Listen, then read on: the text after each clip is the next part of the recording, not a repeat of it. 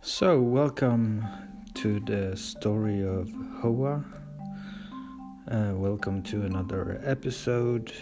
Uh, today, we're going to talk a little bit about uh, the background uh, and the story of uh, how Hoa came to the planet Earth. Um, we're going to touch into the family history and a little bit about uh, all the nation that uh, Hoa has been born in. So, um, welcome again and uh, check us out on uh, our website at uh,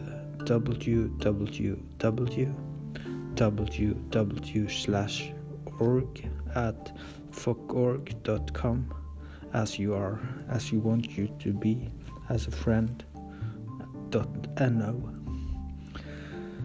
So we're going to start here with uh, how Hoa came to the planet Earth. Um, actually, there was a meeting between him and his father. At the first point uh, of Hoa's life, he was wandering around in a place called nothingness there were absolutely nothing to touch and nothing to hold on to, according to his biography, written in 1796 by an Englishman called Ronald Shedletts. Ronald Shedletts is an interesting character because, according to his own history, he met Hoa in this nothingness, leading him into a black hole where he met his father in a bear cave in Chad. His father had been riding a rhinoceros for 24 hours. According to a national guru, uh, the, the guru was actually an uncle. The guru said his father ride the rhinoceros through a fucking nightmare. And this nightmare became Hoa's beginning when he met his father in the bear cave and said to him, I recognize you. You are the shadow of the nothingness between hold blee. That's the word for blackness in Chadesian. The Chadesian history is a very rich history, where his uncle, his father, and not so famous mother also have a place. According to this guru, his grandmother was the first person ever to eat an igloo. She ate an igloo in 1519 when her sister Margaret Thatcher fucked Harold Burgess from Norway.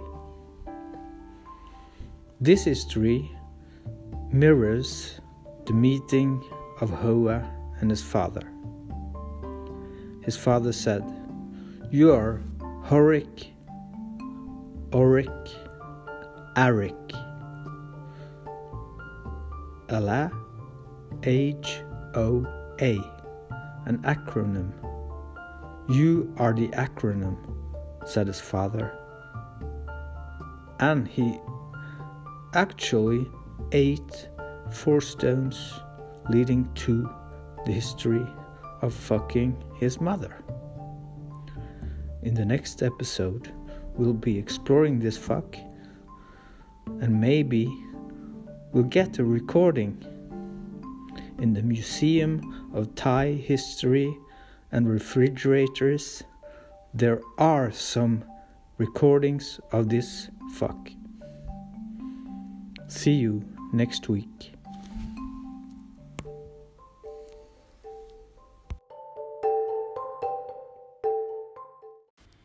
Hi. Uh, I'm al- live now. Uh, hello, my name is Gary Baldman. Uh, I was hoping to be the f- the first caller on this uh, amazing podcast. Uh, I just want to call in and say I'm a, huge fan of the podcast. I'm listening to every week, uh, and um, um, I have some information. Maybe you can take you further on in this investigation of this person Hoa. Um, I actually I might be the twin of Hoa. I was born in this um, uh, in this uh, what do you call it a, a puppet. Uh, we had this puppet master walking around in a circle, but we were actually in a square building, and and um, then he suddenly just like made noises like this. Um, yeah, this is actually a recording of him when while he's guarding us while we were just little babies.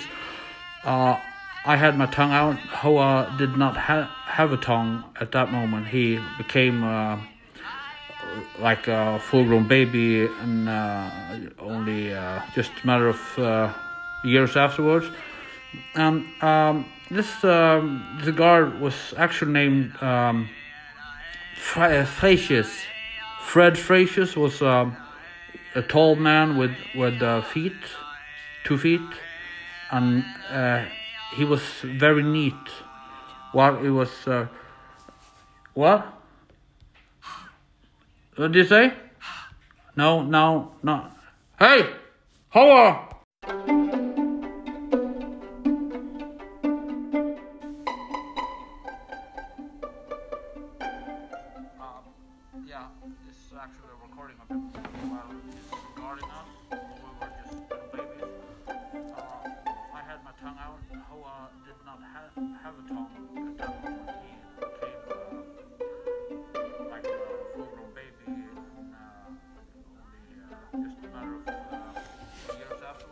Yes. And this was actually named Yes. Yeah. Yeah. Yeah. two. Yeah. He was very neat. Neaten. While he was, what? What did you say? He's got the woman No. nearby. He's living with him now. Yeah. Yeah. Um, that was uh, fantastic. Uh, we got a phone call from uh, from Mr. Harold um, Burgess. Um, no, he's called. Uh, he he actually changed his name now. He calls himself Boldman. Uh, even though he has hair, you know, beautiful long hair with uh, ja, fletter.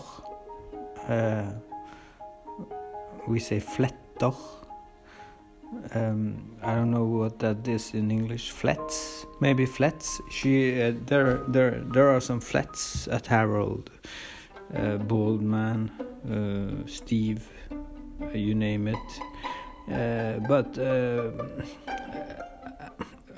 we can come to an end of it now because um, uh, we actually are very very happy to have him on uh, on our show. Um, he's a very rare character in this um, world. Um, he has been uh, the mentor of Mr. Tamaguchi, who obviously made the film uh, about Hoa. Um, and uh, actually now they're working together on a project uh, um, trying to um, to explore the more the more uh, hidden sides of Hoa. And now uh, you heard in the telephone uh, connection we had here with uh, Harold that uh, Hoa is living with him right now right here in this town. uh, called Ballsville, uh, Texas, Colorado. So um, this was a very very nice uh, um, surprise for us to have uh, this uh, phone call. and we actually had to make another episode. Uh, but we'll see you next week or next time.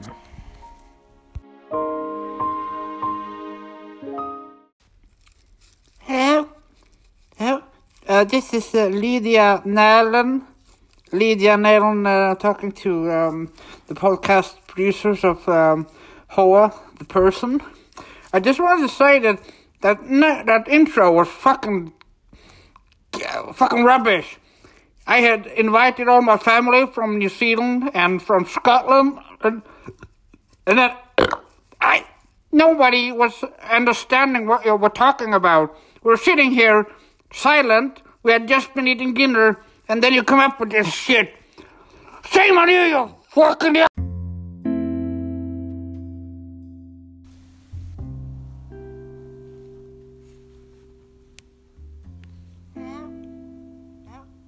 this is uh, Lydia Nalen. Yes. Lydia Nalen uh, talking to um, the podcast producers of um, Hoa, person. Yes. I just wanted to say that that, that intro was fucking yeah, fucking rubbish. I had invited all my family from New Zealand and from Scotland, and, then I nobody was understanding what you were talking It's very interesting to look at the we had just been eating dinner, and then you come up with this shit. the Shame on you, you fucking. yeah. It's very interesting to look at the place rubbish has in um, in the Hoa history because um, there was a bag of rubbish that was uh, given to him by a saint in Oslo when he visited Oslo S. In 1981, Hoa was visiting Oslo S. He was having a performance with a guitar and several other equipment an accordion, a hedgehog, a tape recorder, a mysterious woman in red dress, and a bag of rubbish. He took the rubbish bag, which was containing a serial of materials wasted by the Chad community during the revolution in 1978. There was a tampon, there was a gigantic tanks, there was a butterfly, and there was an eaten apple, a skrunt. The skrunt he used to make the sound of the song Best in Space. The song Best in Space is a very mysterious song because it was created in Oslo as playing on the hair of a nearby woman wearing a wig. The wig was orange and the orange was painted by the famous painter Van Gogh. Van Gogh, Gogh from Netherlands, who visited New Zealand, Australia, Scotland, Scotland Yard, the King of Scotland, and fucking Trainspotting in the acid days in Manchester. They had a jig playing a lot of Happy Monday songs, and Hoa was bored by this hype. And then he took an orange wig, played the orange hair, and the woman who was behind the orange hair said, There are a lot of hairs in your history. And why are there a lot of hair? You have the hair from Mr. Baldman, Fletter. You have the orange here, Here? Not here. The orange hair was lost during a strike in Amsterdam, close up to the revolt of the hashes communities in the cafes, nightclubs, and the urban community in Amsterdam in 1994 they created a sort of connection between the hashes, the houses, the canoes, the dinners, the festivals. All this how I used to make this song, and it's available at our store in internet and other multimedia platforms. If you buy it, you're gonna have to pay 10,000 grands. You fucker! We're now leaving this podcast for now? Forever?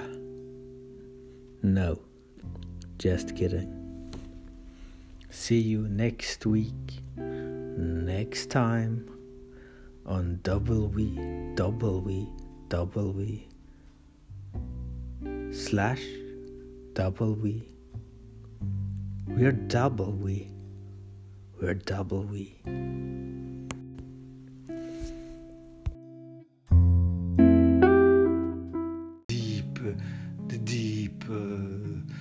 sense of uh, heat that uh, fills the burkas while uh, they're, they're, they're, they're, the women they are sweating beneath their uh, hoa masks uh, trying to to escape this burdensome uh, patriarch, patriarchic, patriarchic, patriarchic.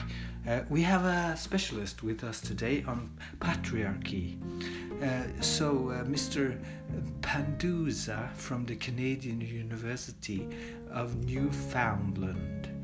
How do you explain this fascination for Hoa in the Arabic community, in the Arabic Spring, in the Arabic world, so to speak, from Morocco to Somalia. There are a Hoa belt, they call it, through Sahara, through the desert, through the rivers and uh, the, of Babylon and and uh, yeah, and, uh, and the rivers of Babylon. And through there, there are some Hoa, Hoa, Hoa. You hear it all the way Hoa, Hoa, Hoa, with their with their, with their chanting uh, beneath their, their their their sandy, foggy, uh, foggy eyes that drools like like saliva. You know, who had a lot of saliva when he was a kid. You know, every time he spoke, he he he, he just he just jumble jumbo jumbo jelly. It was jelly coming out of his mouth, you know. And then this this jelly they they have created a, a sort of a, a sort of ice cream in Saudi Arabia. Uh, they developed it from from the saliva from Hoa's uh, mouth. Thank you, uh, Professor uh, uh, Joe Miller from the University of Newfoundland. Uh, we uh, haven't got time for anything more today, so just call it a day and say see you next time or next week.